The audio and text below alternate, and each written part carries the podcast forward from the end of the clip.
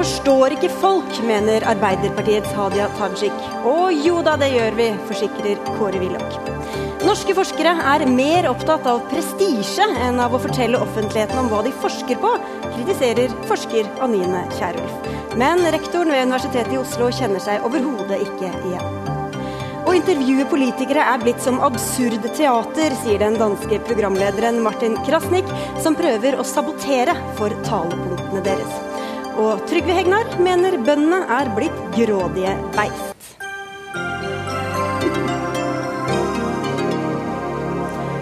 Jeg heter Sigrid Solund og ønsker hjertelig velkommen til jubileumsutgaven av Dagsnytt 18, hvor vi har flytta oss til scenen på Rockefeller i Oslo sentrum i anledning at vi fyller 25 år på lufta.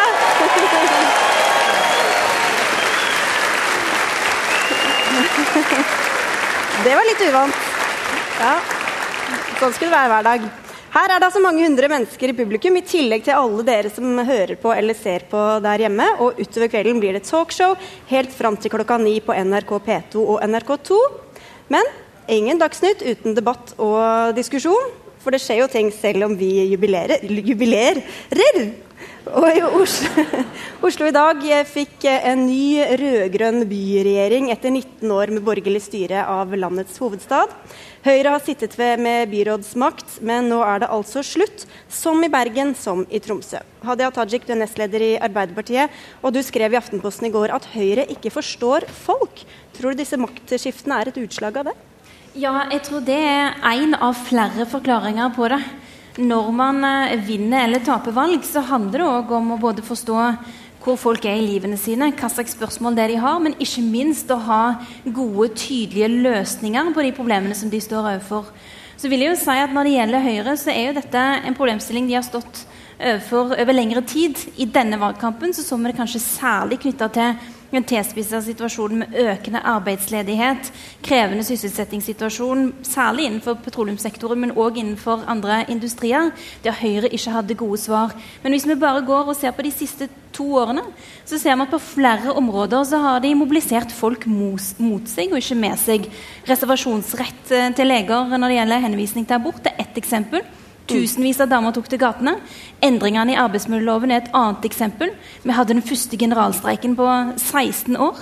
Og så ser vi noe av det samme knytta til søndagsåpne butikker, der vel, både NHO, Virke, arbeidstakerorganisasjonene ja, Flere sterke aktører er tydelige på at dette ikke er ønskelige endringer. Og dere trekker eh, linjene også bakover i tid. Og når jeg sier dere, så er det fordi Kåre Willoch sitter her. Han har eh, skrevet en bok som startet eh, denne ordutvekslinga. Boka 'Strid og samarbeid'. Men først til det Hadia Tajik sier, Kåre Willoch. Jeg vet ikke om jeg trenger å introdusere deg, men du er altså tidligere statsminister og Høyre-leder. Høyre forstår ikke folk, sier hun. Ja, jeg syns jo det er en litt underlig konklusjon over et parti som veksler mellom 20 og 30 nå er det jo veldig fristende for meg å ta fatt i alle de sakene, men da blir vi ikke ferdig innenfor tidsrammen. Men eh, skulle jeg nevne én av disse sakene, som da gjelder dette med reservasjonsrett for leger, så ble jo det er etter at jeg skrev denne boken, for denne boken handler om forholdet, bl.a. om forholdet til graviditet utenfor ekteskap helt siden sagatiden og frem til i dag. Ja, Det har vi ikke tid til, har du rett i. En veldig, veldig grundig bok, skal jeg si. Så vet, men den slutter da den utmerkede nåværende regjering tiltrer. Så det spørsmålet du tar opp der, ligger utenfor. Men jeg har lyst til å nevne at løsningen ble jo bedre enn den var før. For resultatet av dette ble jo at kvinner fikk ubetinget og garantert rett til behandling på sykehus uten å gå til fastlegen, uten å gå til den kanskje nedverdigende søknaden, uten noe skjema fra noen. Men samtidig fikk de en vedtektsfestet rett til veiledning hvis de ønsket det. Så resultatet av dette spetakkelet ble jo bedre enn før. og det, Sånt kan du aldri erkjenne, men det er altså virkeligheten, tror jeg, på veldig mange. Ja, Vi tar ikke hele reservasjonsdebatten, men her det han, ja, hører igjen er jo at Willoch sier det som også Erna Solberg sa i den diskusjonen i Kampens hete, mens uh, tusenvis av damer demonstrerte mot dette forslaget, at damene egentlig ikke har forstått forslaget. At det er derfor man mobiliserer så sterkt mot det. Og det er her jeg ønsker å være tydelig tilbake. Jo, de skjønte det. De bare var dønn uenige. Og det er der diskusjonen burde være. Ja, men Du vil da ikke forandre den regelen at uh, abortsøkende kvinner kan gå direkte Men- til sykehusene og ikke behøver å gå til fastlegen. Jeg syns det er fremskritt, men som sagt, jeg hadde ikke noe med saken å gjøre. Nei, er- Jeg er veldig glad for at vi ble, fikk uh, omforent denne abortloven. Det er et Ja, av de punktene som diskutert. jeg er litt kritisk overfor mitt eget parti i denne boken. Og det er jo interessant. Men, uh, for Men- det, er en veldig ua- det er en veldig upartisk bok. Her er det mange som eh, du ønsker å få den under juletrærne, skjønner jeg. Men eh, hvis vi ser historisk på dette, så er det jo også en uenighet dere imellom om det er Arbeiderpartiet som har nærmet seg Høyre, eller om det er Høyre som har nærmet seg Arbeiderpartiet. Ja, der, det har jeg forberedt meg på. Og, og da har jeg lyst til å lese opp hva sosialisme og sosialdemokrati var så sent som i Arbeidernes leksikon på 1970-tallet. Arbeidernes leksikon er her en enda bedre kilde enn der. Og der, der står det sosialisme anvendes som en fellesbetegnelse på de samfunnssystemer som er tenkt som en avløsning av det kapitalistiske samfunnssystem, idet den private eiendomsrett til produksjonsmidlene oppheves, produksjonsmidlene overtas av samfunnet selv, og derved all utbytting og klasseforskjell forsvinner. Dette var det vesentlige i sosialdemokrati, som det lyktes Høyre å få bort så grundig at til og med Arbeiderpartiet har forlatt det alt sammen. Og Det er derfor det går så bra med det. Men så har de beholdt navnet og klart å beholde den vrangforestilling at sosialt demokrati er noe spesielt for venstresiden. Det er det jo ikke. For velferdsstaten har jo vært et felles prosjekt for alle partier av betydning siden 1890-årene.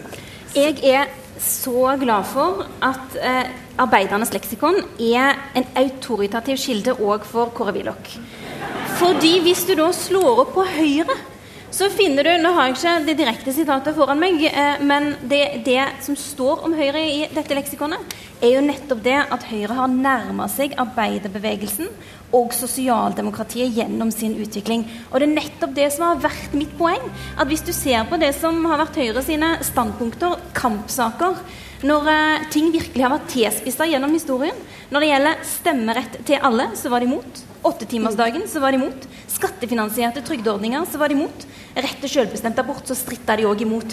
Ganske langt på vei fram mot mål. Og det er det som er poenget mitt. De hadde disse primærstandpunktene, som de da heldigvis, kan man si, har forlatt. Sånn at de er nærmere det sosialdemokratiske tankegodset enn enn det de tidligere var. Men hvis dere ja, begge er enige i hvor dere har havnet, altså Jo, dere er bare uenige om hvem som det- har æren for å komme si dit, så kan man spørre hvorfor man trenger både Arbeiderpartiet Ja, og og Høyre i dag, da. Vi er nok ikke enige om hvor vi har havnet. Ja. Arbeidernes leksikon er utmerket, men jeg tror det er mer troverdig når de skriver om Arbeiderpartiet enn når de skriver om Høyre. Men jeg legger til i denne boken jeg har flere Den har flere, flere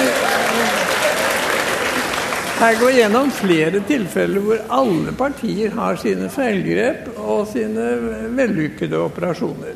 Og det er ikke noe forsøk på å skjule noen feilgrep. fordi hvis man skal lære av historien, så kan man jo ikke hoppe over noe av det viktige som er skjedd. Så du vil finne med stor tilfredshet du burde løse boken litt grundigere enn du har gjort hittil. Så vil du se det. Jeg går igjennom en masse av disse tingene. Men den sluttmerknaden her, som har vært forbausende stor oppmerksomhet Selv ser ut som du har lest mye i den selv, i hvert fall. ja, jeg, jeg, har, jeg leste den til og med på trikken i dag. For å være. Men det vi kan lære av dette, er jo at det er ja, altså gjennom eh, det, det som fins av historiske kilder, er i hvert fall noe som Kåre Willoch tilnærmer seg på en særs selektiv måte. Han tar de bitene av Arbeidernes leksikon som han syns er fornuftig, som passer til hans historiefortelling. De bitene som ikke passer hans historiefortelling, de bare legger han til side på en veldig sjarmerende måte, Ja, må jeg men si. du- jeg må Men ta- det blir, det blir noe galt likevel. Men har dere Ja, nærmet dere dere så mye at dere er veldig mye nærmere nå enn dere var for Ja, fem Vi er år nok veldig, nærmere men nå enn det vi nå var ble jeg litt historisk. ivrig, du hørte jeg ble litt ivrig. For hvis, Men du antyder at den politikken jeg hadde den ære å lede i min regjeringstid, var en tilnærming til Arbeiderpartiet, som jeg sier, det er ganske eiendommelig forståelse. For vi ryddet opp i den ene etter den andre, etter den tredje, etter den fjerde samfunnsskadelige og utviklingshemmende ordning. Ble vi kritisert sønder og sammen Arbeiderpartiet, og så snart de overtok makten, så beholdt de alt sammen og gikk videre samme veien. Gratulerer, det er veldig bra. Jeg kritiserer det ikke, jeg bare konstaterer at det er veldig bra. Men som sagt, Her er rett og feil på alle sider. Jeg har gjort, prøvet å få et skikkelig sammendrag helt tilbake fra 1814, og egentlig fra Sverre Sigurdsson, som jo var uekte barn, som de kalte det et grusomt uttrykk, for å vise at dette forholdet som du er inne på, nemlig graviditet utenfor ekteskapet, det har samfunnet hatt veldig interessante og skiftende holdninger til i tusen år. Jeg tror Hadia Tajik må få slippe til litt her etter at hun har yppet til strid mot Willoch. Nå tiden vår snart slutt, men Nadia? Altså Kjernen i spørsmålet ditt er jo har dere nå blitt så like hverandre at det egentlig er litt sånn tøysete å si der og diskutere hvordan vi kommer oss hit. Svaret på det er egentlig nei. Og ja, vi har kommet nærmere hverandre i den forstand at Høyre har forlatt sine mest reaksjonære standpunkt.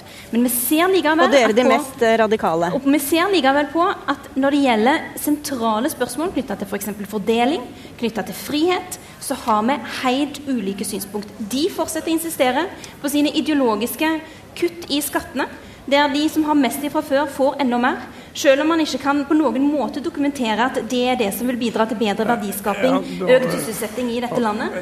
Det, er, det, viser på en veldig tydelig måte at forskjellene mellom Høyre og Arbeiderpartiet fortsatt er veldig sterke. Selv om de nå ser ut til å insistere på at de er i ferd med å bli et sosialdemokrati. Ja, at det er jo riktig det at begge partier har forandret standpunkt, men det er jo forskjellen at Høyre kom jo til fornuft eh, for 50-100 år siden. Og dere gjorde det ikke før i 1986.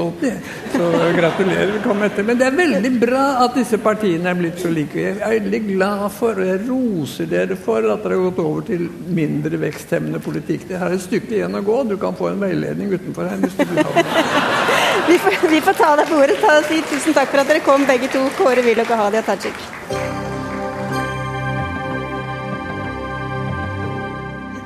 Og da skal vi ønske velkommen til ytterligere to eh, gamle kjenninger. Og en av dem er en fersk eh, prisvinner. Anine Kierulf, eh, som er på vei inn døra her. Du er forsker ved Senter for menneskerettigheter, og i dag har du mottatt Akademikerprisen for din kunnskapsformidling og engasjement for ytringsfrihet og menneskerettigheter. Og det på toppen av andre utmerkelser. Vi får bare gratulere. Tusen takk.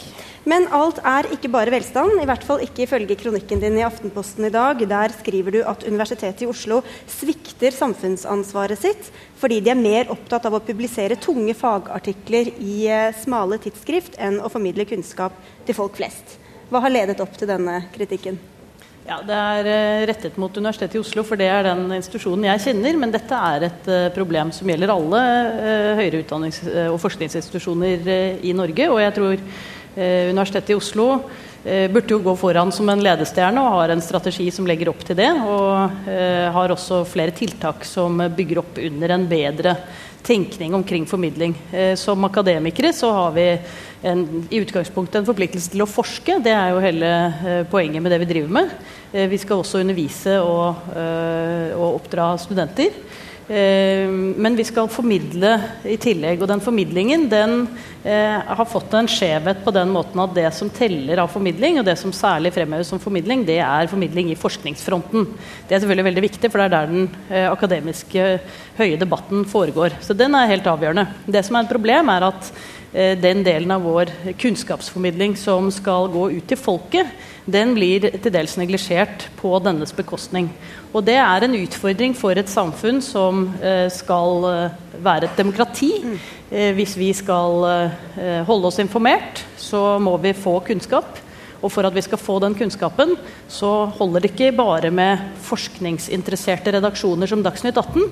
Vi trenger også forskere som er villige til å formidle og bruke tiden sin på det. Mm. Og for å få det til, så må vi både ha klare signaler fra universiteter og høyskoler om at det er ønskelig at vi driver med slik formidling, at dette er en del av vår forpliktelse, eh, og at eh, Eh, faghegemoniske mellomledere rundt omkring eh, som er redd for offentlig debatt, eh, som går mot deres faglige synspunkter, ikke skal kunne forpurre den offentlige samtalen. Det virker jo ikke som dere kan ta særlig mye av æren for Kierulfs eh, formidlingspriser. Ole Petter Ottersen, du er rektor ved Universitetet i Oslo. Hvordan svarer du på dette? Ja, Ikke desto mindre så vil jeg jo gratulere Anine med dagens pris, Akademikerprisen for forskning og engasjement for eh, ytringsfrihet og menneskerettigheter. Men ikke takket være dere, sier hun altså? Nei, det, det, det noterer vi oss.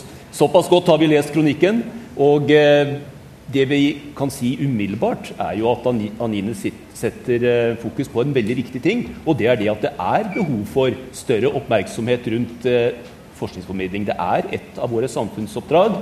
Og det er helt riktig. Av og til kommer det litt i bakleksa i forhold til forskning. Så du er enig i den virkelighetsbeskrivelsen hun kommer med? Eh, jeg er enig i prinsippet om at uh, her er det om å gjøre å sette dette samfunnsoppdraget enda mer i front. Men i virkelighetsbeskrivelsen, er det, noe, er det noe av det hun sier som du er uenig i? Men uh, jeg tror det er livsfarlig å generalisere fra det som er Janines erfaringer og hennes eh, opplevelse til eh, hva som er riktig for eh, universitetet generelt. Det er store forskjeller på universitetet, og det er jo enkelte steder på universitetet hvor man bare går rundt og sier ja, kanskje formidler vi for mye, at vi har for stor vekt på det oppdraget. Så her er det store variasjoner. Er det bare dine egne erfaringer du bygger på? Nei, jeg er veldig nøye med i den kronikken, og det mener jeg er viktig å fremheve at det fins mange gode miljøer for både forskning og formidling, både på Universitetet i Oslo og andre steder. Heldigvis. Det skulle da virkelig også bare mangle.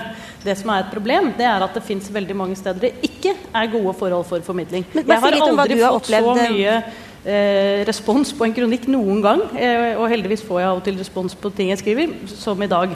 Og, og mange av de eh, tilbakemeldingene jeg har fått, de er ledsaget dessverre av historier som bekrefter at det fins steder rundt omkring hvor formidling ikke bare ikke eh, oppfordres og oppmuntres, men direkte motarbeides på måter som vi eh, ikke vil vite om. Ja, Hvordan da? Hva er det du f.eks. har opplevd? Nei, Personlig så opplevde jeg jo å få beskjed om å eh, konsentrere meg om avhandlingen min og ikke drive og løpe i media hele tiden. Det kunne jo være en viktig ting å si til meg hvis jeg lå dårlig an i mitt avhandlingsarbeid, men det gjorde jeg jo ikke. Så hva som var grunnen til at jeg ble fortalt dette av de som var faglig uenige med meg, som uh, satt som ledere på mitt institutt, det er jeg ikke sikker på.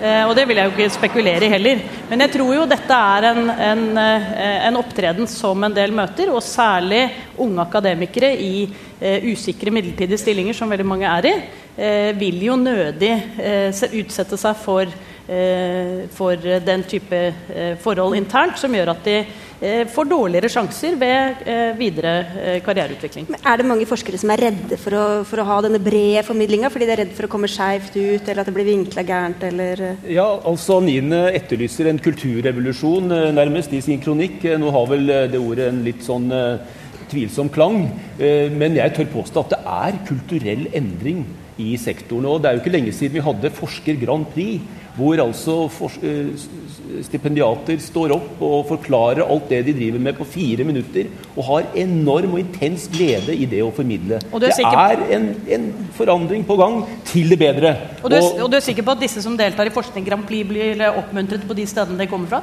Ja, det gjenstår for deg å, å finne ut av, tror jeg. Altså, jeg tror er det, det er vanskelig å, å skape dens for eller imot akkurat det. Det er vel kanskje Men ikke min oppgave. Det vi noterer, i hvert fall, er at uh, det er mange mange steder på universitetet nå hvor det gis uh, kurser i dette, hvor det er til og med obligatorisk komponent i doktorgradsutdanningen. Så mange ting har skjedd, og jeg tror ikke du har plukket opp alt som har skjedd i Universitetet i Oslo.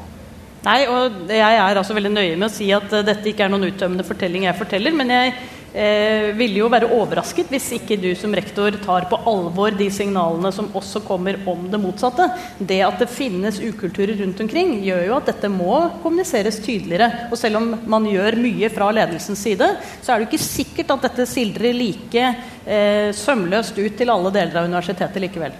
Det er ikke den eneste tingen som ikke sildrer sømløst ut til alle deler av universitetet. Så der har du et godt poeng, og det poenget tar vi selvsagt også med oss når det gjelder eh, formidling. Men jeg har bare lyst til å si en ting som er så sentralt. Og det er det at For Universitetet i Oslo så er formidling i høysetet. Og noe av det som eh, er dagsaktuelt, det er jo at vi har åpne forelesninger eh, når det skjer når det kommer kriser, f.eks. nå med flyktningene. Åpne forelesninger, alle er velkomne, og det sendes på TV. Og det når av og til over 100 000 mennesker. Dette er formidling, dette er ting vi gjør fordi at det er vårt samfunnsoppdrag. Og hvis ikke, så er dere alltid velkomne hit til Dagsnytt 18. Da. takk og gratulerer med dagen. Jo, takk for det. Jo, takk. Takk, Gratulerer med dagen, ja. Dagsnytt 18 alle hverdager klokka 18. På NRK P2 og NRK2.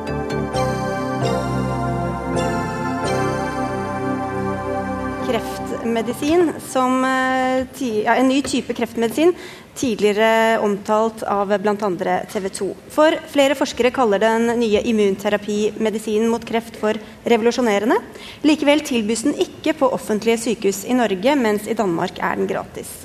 Karita Bekkemellem, du er administrerende direktør i legemiddelindustrien. Hvorfor er denne medisinen så viktig å få ut til norske kreftpasienter? Det er jo en unik mulighet eh, nå til å stoppe den kreftepidemien som vi opplever. Og I Norge i dag så lever hele 22, 225 000 nordmenn med kreft. Eh, og De nye behandlingsformene kan gjøre at vi nå kan ha muligheten til å utrydde kreft.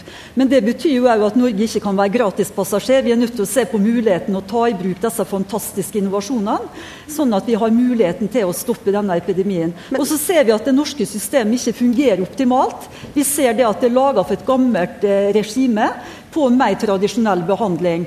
Og Det som er alvorlig nå, det er jo at norske pasienter lir. Og i påvente av Beslutningsforum så dør pasienter i Norge. Men hva er det ved denne medisinen som ikke fanges opp da, i det systemet vi har i Norge? Hvordan skiller den seg ut fra det som Jeg mener at uh, Hovedkritikken går på det at vi ikke har et system som finansierer uh, de nye kreftlegemidlene på lik linje med det blå reseptordninga vår gjør. Sånn at du har et annet finansieringssystem for preparat som brukes på sykehus, kontra dem vi da har muligheten til å benytte oss av hvis vi ikke får behandlinga vår på sykehus. Sånn at Det vi peker på, sammen med Kreftforeninga Oslo Cancer Cluster, det er at vi ønsker en, et fond som gjør det at sykehusene kan få en form for økonomisk avlastning i påvente av at systemet kan jobbe, slik at en får tatt raskt i bruk eh, disse fantastiske nye kreftlegemidlene. Bent Høie, du er helse- og omsorgsminister. Vi hører altså at I Danmark så får pasientene dette gratis. Hvorfor kan ikke norske pasienter få det samme?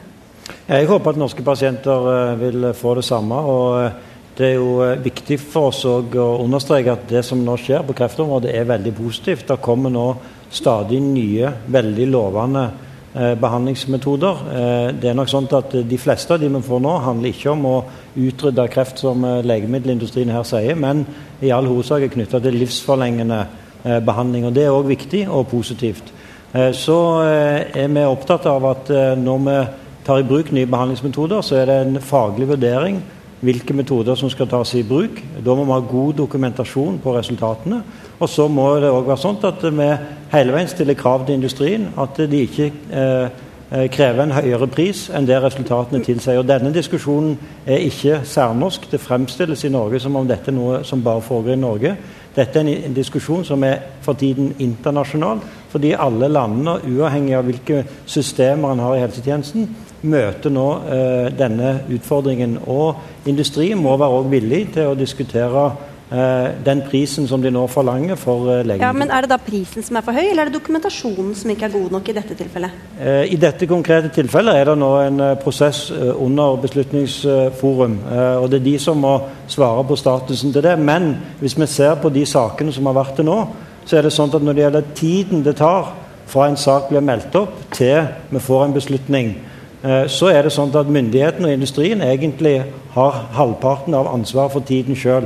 Den gjennomsnittlige tiden det tar før industrien leverer dokumentasjon til Legemiddelverket, er 153 dager. Og den gjennomsnittlige tiden som myndighetene tar for å vurdere sakene, er 170 dager. Jeg mener at vi begge har et ansvar for å få den tiden ned.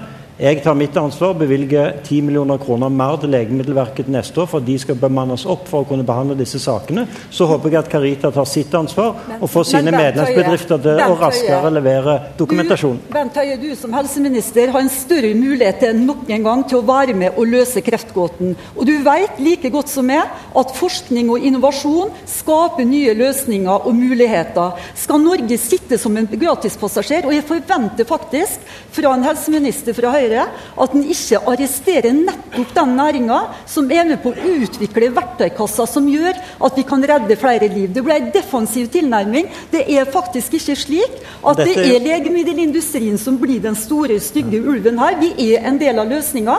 Poenget er som vi peker på, det handler ikke om at legemiddelindustrien skal diktere pris. Tvert imot. Vi har gitt konstruktive innspill på hvordan vi kan få et bærekraftig og et godt system. Og så er det slik når det gjelder pris.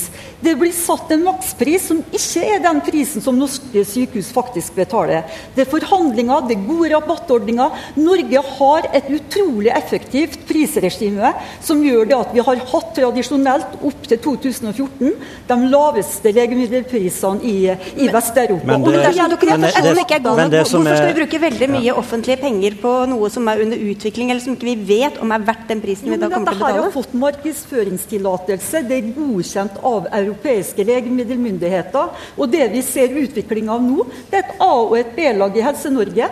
De av oss som kan gå til Aleris og kjøpe du, denne kreftmedisinen, kan du, gjøre det. Ja, Carita, du, og det er det som er vet, feil. Du vet like godt som meg at Norge på ingen som helst måte er eller kommer til å være en gratis passasjer i dette.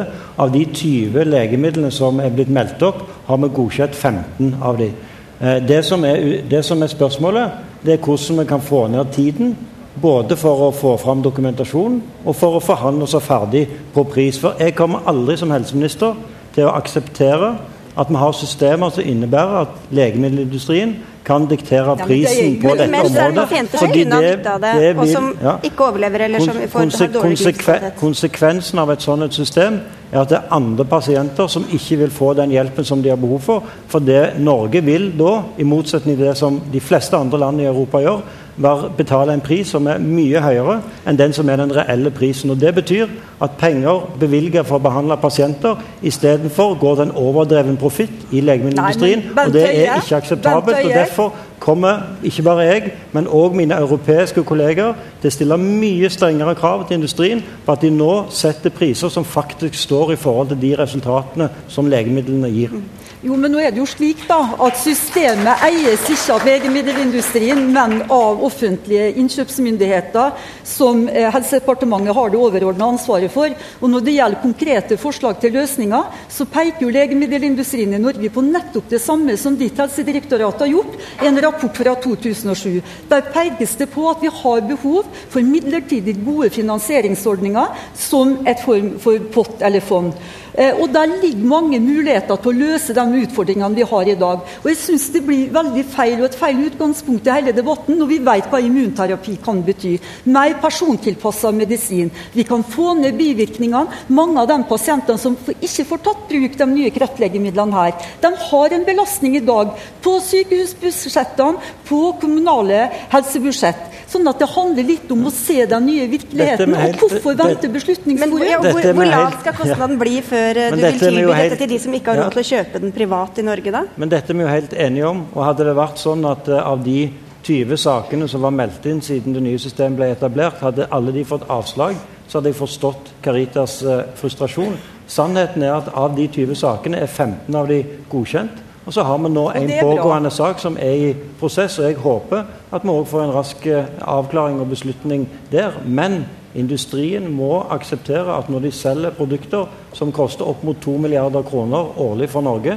så må de faktisk bli underlagt både et krav til dokumentasjon og en vilje til å forhandle pris og vilkår med Norge, sånn som de gjør med andre land. Det er vi veldig enige om, og vi forlanger da òg et eh, profesjonelt forhandlingssystem. Og en sluttkommentar. Kreftlegemidlene til sykehus utgjør 1% av budsjettene. Sånn at vi snakker om marginale beløp. Det er, vel, det er et ganske stort helsebudsjett, altså selv 1 vil jeg jo tro er litt penger. Ja, men det er litt i den store sammenhengen, og du vet du kan redde liv. Takk skal dere ha, i hvert fall begge to, Bent Høie og Karita Bekkemellem.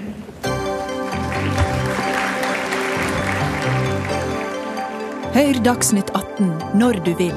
Radio NRK Radio.nrk.no. bøndene er noen grådige beist. Eller hva, Trygve Hegne? Ja. Du skrev dette på lederplass i forrige uke. Du er sjefredaktør i Finansavisa. Og bakgrunnen er at regjeringa foreslår nye skatteregler for bøndene. Noe bøndene ikke er fornøyd med. Og du har også flere ganger tidligere denne yrkesgruppa for å være grinete og klagete. Hva er det som gjør at du bruker sånne ord om bøndene? Ja, nå ser jo Slagsvold Vedum veldig snill og søt ut her, da. Men han, men han gliser for mye, så er han ganske farlig. Men det, det, det, saken gjaldt, det var det at uh, bøndene har i mange år, bønder og skogeiere har i mange år, kanskje tiår, klaget over den regel i skatteretten som gjør at hvis en bonde eller skogeier ønsker å selge sin eiendom, så får de 50% skatt på det. Det er veldig urimelig. Jeg har vært enig med bøndene i mange mange år. på at det er merkelig at bøndene skal betale skatt 50% når alle andre som tjener penger, enten det er på aksjer eller selv noe annet, betaler bare da 27 Så jeg har vært på en måte diskriminert i tiår. Og så fant regjeringen da ut nå at de skulle endre det. Så de sa det at heretter skal bøndene, hvis de vil selge sine skog, skogområder eller landbrukseiendommer, så skal skatten bare bli 25% altså halvert. Det syns jeg var helt strålende, og klappet for det. Og ikke før jeg hadde klappet for det og syntes at regjeringen gjorde en kjempejobb for bøndene, så kom da Slagsvold Vedum på banen og sa at dette var noe svineri, at hun var en sånn skatteøkningsminister og det verste som tenkes kunne. Fordi du har glemt et element her, da, nemlig at de måtte skatte mer hvis de solgte til uh, odelsjenta eller odelsgutten? Nei, nei, nei, det er også feil. Oh, ja. Det står i proposisjonen eh, nummer én så står det også det at også ved generasjonsskifter og salg innen familien så kan også skatten bli null hvis de oppfyller noen små vilkår. Men også der mente Slagsvold Medum og Nasjonen og andre at, eh, at, regjeringen gjorde en elendig jobb. Jeg mente de gjorde en kjempejobb der også. så jeg er totalt uenig, og, og jeg skjønner ikke hva bøndene bønder klager på. Og Da ble jeg litt oppgitt og sa at de var da litt uh, ja. Litt grådig beist, litt grådig beist. Trygve Slagsvold. Ja, du, ja, du, ja. du er inne av denne grådige beist-gjengen uh, til Hegnar, tror jeg. Mm. Ja. Nei, jeg føler meg ikke enig i det i det hele tatt. Og jeg syns det er helt utrolig at uh, Trygve Hegnar Han turte ikke å si det nesten nå, merka du det? Men likevel, når han sitter, han bak, når han sitter bak pulten sin og, og, er litt bitter og litt sint, så tør han å skrive 'grådig beist'. Men jeg, men jeg er helt sikker på hvis jeg har lyst til å invitere Trygve Hegnar med meg på tur til å møte den hele det såkalte grådige beista. For dette er hardtarbeidende matprodusenter rundt omkring i hele Norge som gjør en kjempejobb.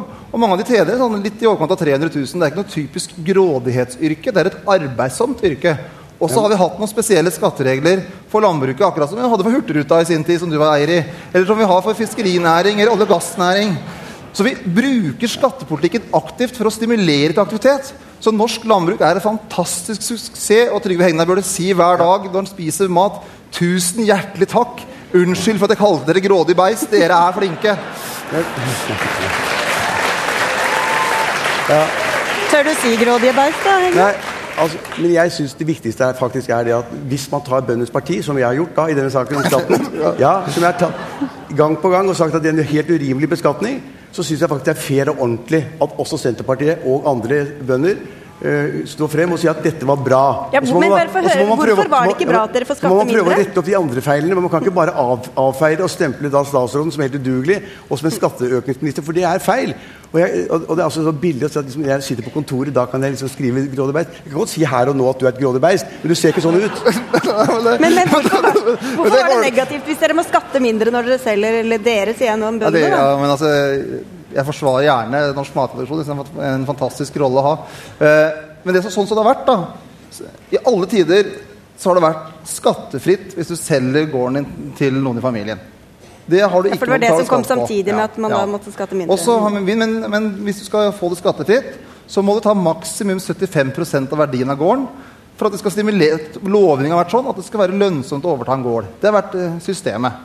Og så har da Listhaug nå sagt at det, nå skal du betale 25% skatt hvis du selger gården til dattera di eller sønnen din. Eller noen andre i familien. Og det er jo selvfølgelig negativt for alle de som skal inn i landbruket. Helt... så blitt, men så har det blitt en fordel for sånn som hvis Trygve Hegnar nå ønsker å kjøpe opp mer landbruksjord, så har det blitt mindre skatt. Jeg er også for det at det blir mindre skatt for det. Men, men det som regjeringa nå gjør, er at det skal bli lettere for sånne som Trygve Hegnar å kjøpe med matjord. Og så skal det bli vanskeligere for odelsgutten eller odelsjenta. Og det mener vi er feil. Det, det er ingen grunn for det. Det er feil politikk. At du skal kjøpe så mye matjord? Det kommer jeg ikke til å gidde å gjøre. Å kjøpe landbrukseiendom. Det er altfor mye arbeid. Men, men, nei, men, men ja. Men, du, men du, du, hører jo ikke hva jeg sier. og Det som er mitt poeng, var at det står i samme proposisjon, og den må du lese snart. Der, der, står det det at også når det gjelder generasjonsskifte og overdragelse innen familien, så blir det null skatt hvis man da overtar de samme bokførte verdiene som selger hadde. Så du kan selge gården din til ungene dine, enten det er gutter eller piker eller hva som helst. Det blir null skatt. Det står i proposisjonen, og det tror jeg på. Ja, men det som står er at Du kan, du kan gi den bort også, så blir det null skatt.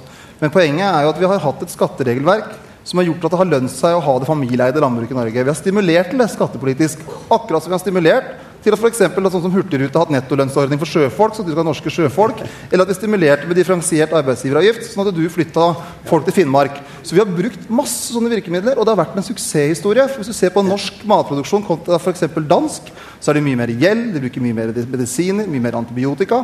Og vi har klart å ha verdens reneste landbruk og vi har verdens nordligste melkeproduksjonsbruk. Og da har vi brukt skatt som et virkemiddel, og det har vært en suksess, ingen fiasko. Men du, du, sa du støttet bøndene, Hegnar, men uh, hvor symptomatisk syns du denne reaksjonen fra norske bønder er på den endringa fra regjeringen? Altså, nå har jeg fått masse reaksjoner første gang faktisk, ja. fra bønder som syns at dette er helt merkelig at uh, Senterpartiet og Slagsvold Vedum ikke sier si ros for dette ene tiltaket. Men det, men det, er masse bra ved norsk landbruk, helt åpenbart. Men norske bønder får jo gjennomsnitt 260 eller 270 000 kroner hver av skattebetalerne. Det er ikke rart de har det rimelig bra da. Det er ikke rart, det. Ja, men så Poenget er at det, det er et politisk, 270 000 hver. men det er et politisk valg om vi ønsker å ha matproduksjon i Norge eller ikke. og Da har vi bl.a. tollvern. Akkurat som det er et politisk valg at vi ønsker å ha et mediemangfold, og at ikke Trygve Hegnar betaler moms på Finansavisa. Det er også en subsidie per arbeidstaker hos Hegnar. Men det mener jeg er rett. For jeg mener det er bra å ha et meningsmangfold. Og jeg syns det faktisk er bra at Hegnar kan skjelle ut meg også. For det er en del av debatten. Men jeg syns uh, Hegnar bør være litt forsiktig med å kalle alle mulige andre grådig beist. For det er en del av systemet. Vi ønsker å ha mangfold innenfor media. Derfor har vi momsfritak. Vi ønsker å ha en matproduksjon i et av verdens nordligste land. Derfor så bruker vi skatt, derfor bruker vi toll, og vi bruker også litt støtte. Og det har vært en suksess, ingen fiasko. Men den politiske debatten blir bedre og sunnere og mer rettferdig hvis dere av og til kan innrømme det at motparten også gjør noe riktig. I ja, dette var... tilfellet så gjorde du noe som er i din favør, som jeg har jobbet for i mange år. Ja, er... Og så klarer du å fremstille som noe helt feil. Ja, men det er jo feil, Hegnar. Er feil, for null skatt er Du må bli, du må bli, med. Da får du bli med ut på en vanlig ja, Da tar vi det, da tar vi det veldig grundig. Ja, da får du bli med da tar vi det grundig to sekunder. Hvis du blir med på et vanlig norsk bruk som skal overdras nå til en eh, sønn eller datter, så er det i snitt 400 000 000 i skatteskjerpelse. Så kan du mene at det er rettferdig og bra, men det har jo alltid vært et unntak. Og det unntaket har vært av det gode. Og så ønsker Syvi Listhaug nå å innføre en skatteskjerpelse for familie landbruk. Og så har Listhaug også hatt masse andre skatteskjerpelser mot landbruket. Og det er veldig rart, for dette er en regjering som sier at skattelette er svaret på alt som er vondt her i verden.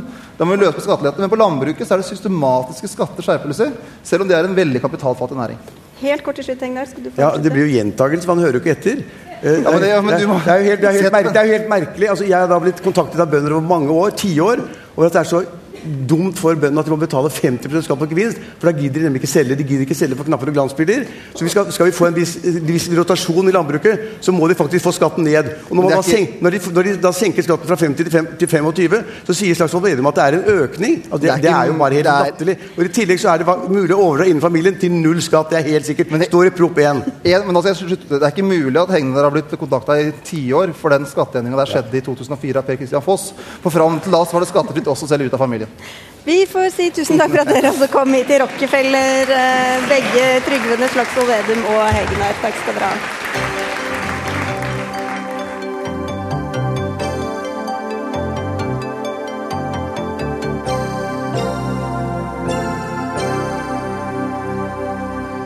Akkurat har skrudd på radioen eller TV-en og lurer på hvorfor alt ser så annerledes ut og høres så rart ut, så kan jeg si at vi feirer 25 år med Dagsnytt 18, og vi sender altså fra Rockefeller i Oslo sentrum med full sal!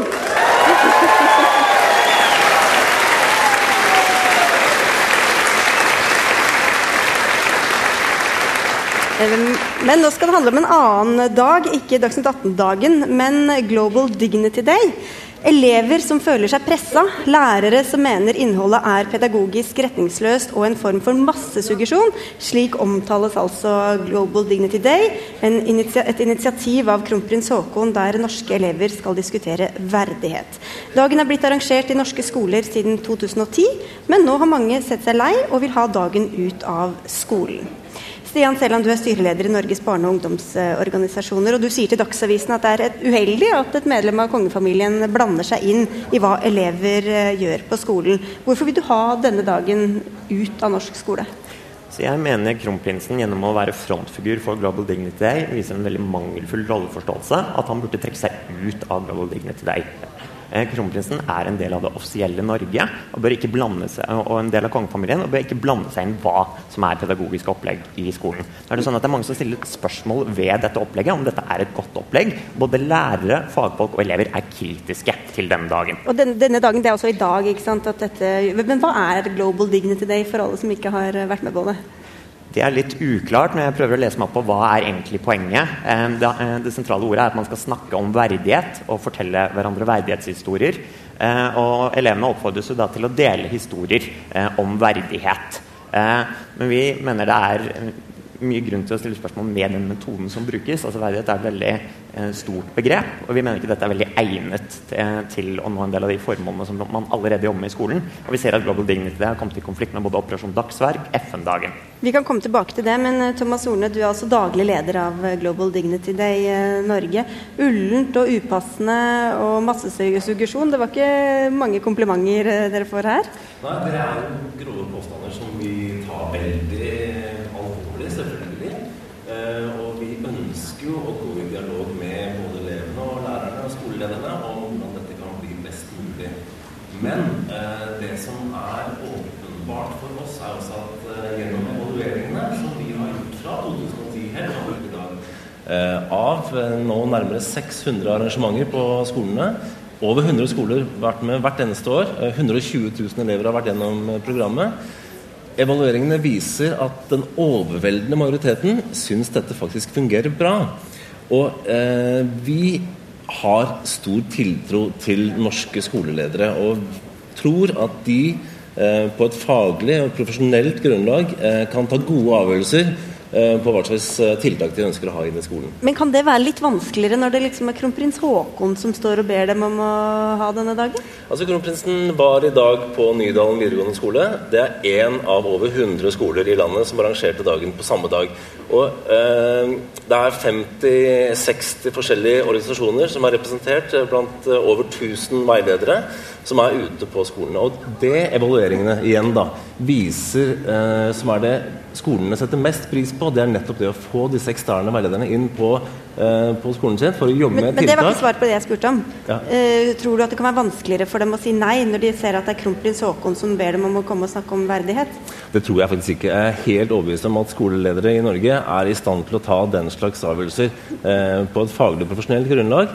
Uh, og uh, det er ikke noe problem for oss uh, at um, flere skoler jo tross alt sier nei. De, mange skoler har veldig gode opplegg allerede for å jobbe med skolemiljøet. Så de skolene som ønsker at vi kommer inn, og som da er mange hvert eneste år, de kommer vi selvfølgelig til. Så det er jo helt klart at Global Dignity hadde ikke hatt den posisjonen det har i dag i norske skoler om det ikke var kronprins Haakon som var frontfigur. Eh, dette er et opplegg som ikke er basert på forskning eller på pedagogisk metode. Eh, altså Opphavet til Global Dignity Day det var at en kronprins, en professor og en forretningsmann pratet sammen. Det høres ut som begynnelsen på en vits. Det var altså begynnelsen på dette opplegget. Det virker som du syns det var en vits som kom ja. ut av det egentlig. Da, men, uh, ja. Dette er et opplegg som nå mange elever er kritiske til, som mange lærere er kritiske til. Eh, og det er ikke sånn at kronprinsen bare deltar på Global Dignity gjennom å besøke én skole. Han spiller jo inn en åpningsfilm som spilles jo av alle steder Global Dignity arrangeres. Jeg trodde ikke jeg skulle få behov for å si det, men vi har faktisk invitert kronprins Haakon hit i dag. Bare for å feire, men han kunne ikke komme, da, så har jeg sagt det òg. Men eh, du sa innledningsvis også dette med Operasjon Dagsverk og FN-dagen, som særlig det siste ligger jo da klint opp til denne dagen. Hva gjør det med engasjementet for disse på skolene rundt omkring? Altså, vi har jo fått tilbakemeldinger fra flere steder at det kommer i konflikt med disse arrangementene. Eh, skolelederne ser seg nødt til å prioritere, og velger da Global Dignity Day. Um, nå var det jo sånn uh, at Inntil nylig så var jo Global Dignity Day obligatorisk for Oslo-skolen å arrangere. Det er det ikke nå lenger, men mange av skolene gjør det fortsatt. For det har kommet inn i virksomhetsplanene fra den tiden det var obligatorisk. Og Vi syns det er veldig synd at både FN-dagen var en svært viktig dag å, å markere, at verden blir stadig mer internasjonal, og Operasjon Dagsverk, som har lange tradisjoner og, og og har eh, vært i oktober måned så lenge at de må vike på bekostning av dette svært la, faglige opplegget. Hvorfor la dere det akkurat til nå, eh, når de andre dagene er også? Jeg må først få lov å svare på den påstanden, som jo er veldig alvorlig. Hvis det hadde vært tilfellet, men det er faktisk ikke tilfellet. Dette vet vi. Eh, alle skolene som er med på Global Dignity Today, de gjennomfører Operasjon Dagsverk eller sitt eget solidaritetsprosjekt. Eh, og dette er faktum. I tillegg så er det sånn at FN-dagen eh, fortsatt eh, markeres. Husk at Global Dignity Day er to klokketimer i løpet av 13 års langt skoleløp. Eh, så det å påstå at FN-dagen skvises ut av norsk skoleverden av det, det er jo urimelig. Samtidig er det vel sånn at lærerne syns det er nok allerede med ting de må gjøre utenom det de egentlig har på pensum som de skal gjennom? Absolutt. Men det som er eh, lovpålagt eh, på skolene, er jo å jobbe med et skolemiljø. Og det er litt sånn at det er vanskelig å forstå hvorfor det kan skape så mye harme at skoler ønsker å bruke et slikt tiltak for å jobbe med å lage et godt skolemiljø. Vi vet at skolemiljøet er helt avgjørende for at flest mulig elever skal klare seg eh, gjennom skolen. At vi får mindre mobbing, og eh, at vi får ned frafall, som er et alvorlig problem i norsk eh, skole. Og verdighet, da. Hvem kan vel være mot det? Eh, vi er ikke imot verdighet. Eh, jeg må bare påpeke at det er ikke sånn at Operasjon Dagsverk bare er én dag. Sammen med Operasjon Dagsverk har man en informasjonskampanje, altså en internasjonal uke. Og det har vi sett eksempler på at har måttet vike. Eh, men vi er ikke imot verdighet. Vi er ikke imot å diskutere verdier. Men det kan skoler og elever gjøre med god, med, på en svært god måte. De trenger ikke hjelp fra kronprinsen og følge press fra kronprinsen for å gjøre nettopp det. Vi får si tusen takk til dere begge to, Thomas Horne fra Global Dignity Day og Stia Freland fra Norges barne- og ungdomsorganisasjoner. Dagsnytt 18 alle hverdager klokka 18.00 på NRK P2 og NRK2.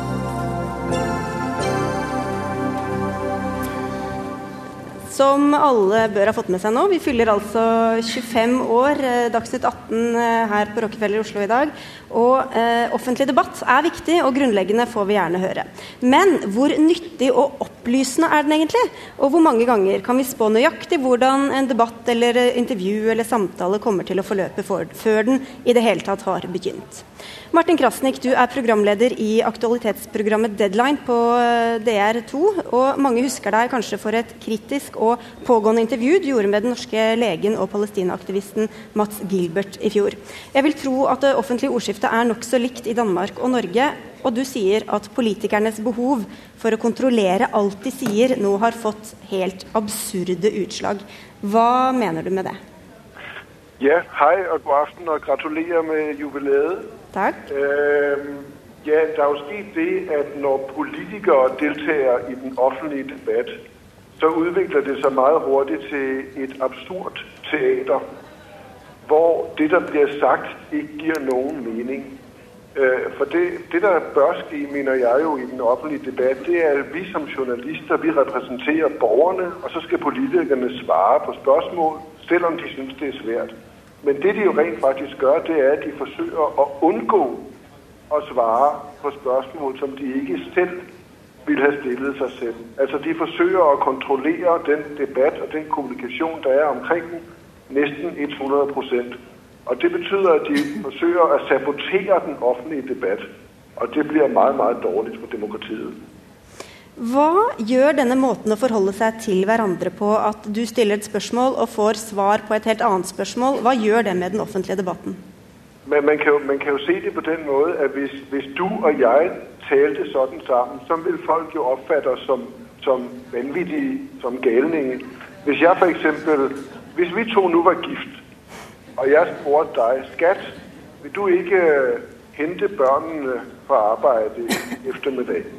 Og så svarer du jeg er meget glad for mitt arbejde. Jeg synes, det er et dejligt arbejde. Eller hvis jeg ringer til deg og sier skat, jeg har travlt, vil du ikke, vil du ikke lave mad i aften?' Så svarer du 'Jeg synes, jeg, jeg synes vi har fått et fint køkken. Vores køkken fungerer glimrende. Jeg glæder meg meget over vores dejlige køkken. Det er sådan, mange politikere kommunikerer med oss i dag. De svarer simpelthen ikke på det spørgsmål. Og det der sker, det er jo at vi straks holder opp med å høre efter. For hvis det er to mennesker der, der taler sammen, hvor den ene spør og den andre svarer på noe annet, så holder man simpelthen opp med å lytte. Uh, og, og, og, og, man begynner så å tenke hvem av dem er det noe galt med? Og de fleste vil så si det må være journalisten der er skør. Det må være reporteren der er vanvittig. Han er altfor kritisk. Mens, mens, mens, det er jo politikeren der så bare sitter og nikker og smiler som alt, og alt er godt. Men det er jo i virkeligheten politikeren det er sabotør. Du, Martin Krasnik, tusen takk for at du var med i uh, Dagsnytt 18. Uh, eh, vi skal la deg få, uh, få, legge på og fortsette her på scenen. Marit Arnstad, du er parlamentarisk leder i Senterpartiet og har hatt mange roller i norsk regjering, på Stortinget, i næringslivet. Hvor godt kjenner du deg igjen i det Krasnik snakker om? Jeg syns nok at vi etter fattig evne da, prøver i de fleste tilfeller å svare på de spørsmålene vi får. Så jeg kjenner meg nok ikke helt igjen i det. Men så må jeg jo erkjenne at det er jo noen situasjoner der det er vanskeligere for politikere å gi et eh, klart og tydelig svar enn andre. Og det er de situasjonene så vil det nok kunne framstå litt som det som, det blir, som, det blir, sagt her. En sånn typisk situasjon som det er jo en forhandlingssituasjon. Der får du god dag med økseskaft. Ja, når de liner opp alle, sånn fire budsjettkamerater her, og de er midt i en forhandling, så er det klart at da, da får du ikke mye svar i løpet av den sekvensen i Dagsnytt 18. Det må vi bare erkjenne. Men i mange tilfeller så syns jeg egentlig at politikerne prøver eh, å svare så godt vi kan.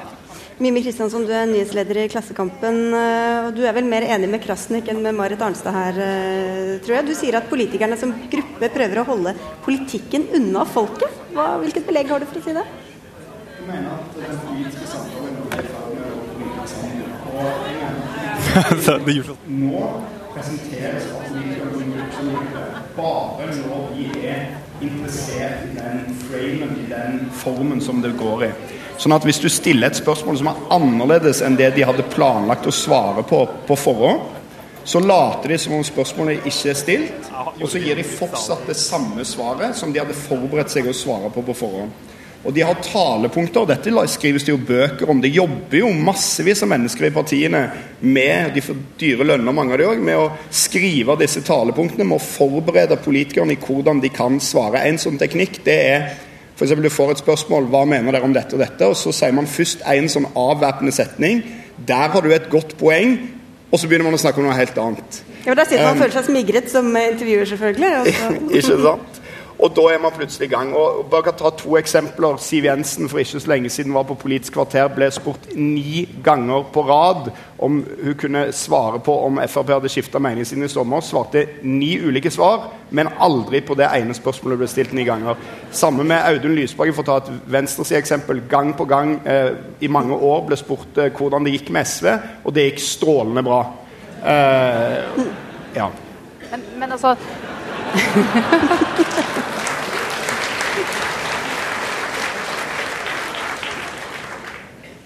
Det skjer nok av og til. Og det har nok vært noen dårlige eksempler på det. Men det første budskapet vi får også som politikere, er at vi skal prøve å svare på spørsmålene. Og jeg mener at vi ofte gjør det. Eh, men ikke alltid.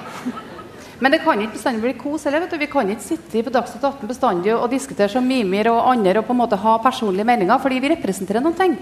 Altså Vi representerer et parti, vi representerer noen politiske interesser. Vi har eh, et politisk budskap som vi ønsker å komme ut med.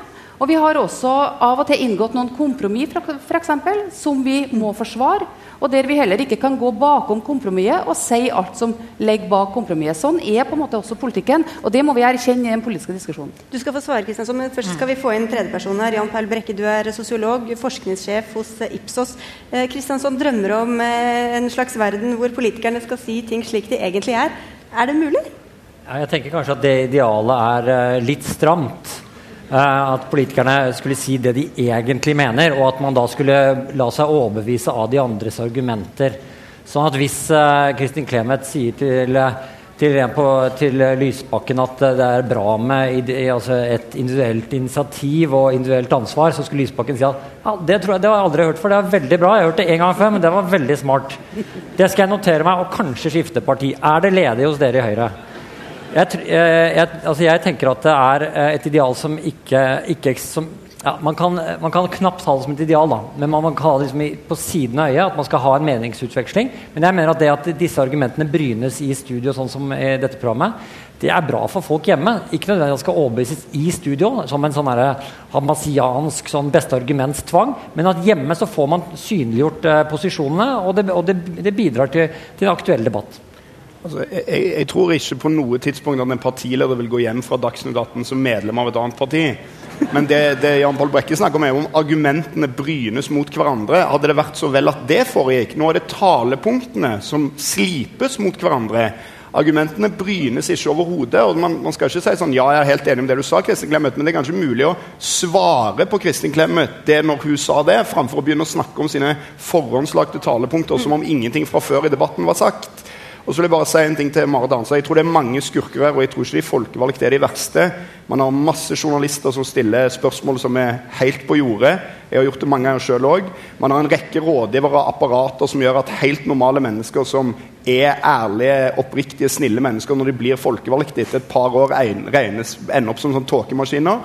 Men jeg tror i alle fall det er helt feil at det skal være et slags folkekrav fra Senterpartiets velgere eller medlemmer eller lokallagsaktivister at politikerne skal sitte på TV og snakke svada. Det tror jeg oppstår i den politiske klassen og ikke ute blant folk. Men jeg, jeg synes egentlig Dagsnytt 18 er jo et bevis på at den politiske debatten og den politiske duellen, og for så vidt også den politiske samtalen, fortsatt eksisterer. Fordi at jeg, I her rommet så er det jo sånn at du ofte får fram nettopp den politiske samtalen uten at du dermed overbeviser hverandre. da. Eh, men blir det ikke forutsigbart, da? Men, men, vi bør tenke over i de politiske partiene om det her med talepunkt og kommunikasjonsrådgivere, om det tar overhånd. Akkurat som jeg syns også kanskje pressen av og til skal tenke over om de egentlig spør oss om fakta, eller om de vil ha oss til å bekrefte en vinkling som allerede på en måte er låst fast i hodet på en journalist. Så både pressen og politikken kan egentlig godt jobbe litt med hvordan du framstår i den politiske debatten? Jeg, altså jeg tenker at de lyttes til hverandre. Jeg, jeg føler det her i sted. Man får, man får jo eh, Om man ikke overbeviser hverandre, så får man synliggjort at det brynes noe i studio. Altså Når vi hørte nå Hegnar og Slagsvold Vedum eh, snakke så står de, og, de står og bryner, de står og dytter hverandre inn på klingen. Helt til man får synliggjort. Og jeg tror, jeg tror politikerne selv kjenner på det eh, idealet om å svare på spørsmålet. Og det hører publikum òg. Folk er smarte nok som hører på, til å høre at her, nå vingler de seg unna. Så det er ikke så mye å tjene på det. Så de mm. treffer, Hvis du klarer å svare skikkelig på spørsmål som stilles, så scorer du ekstrapoeng. Det tror jeg folk i salen også vil være enig i. Men Mimi Kristiansson, for du, sa, du var litt inne på det i stad.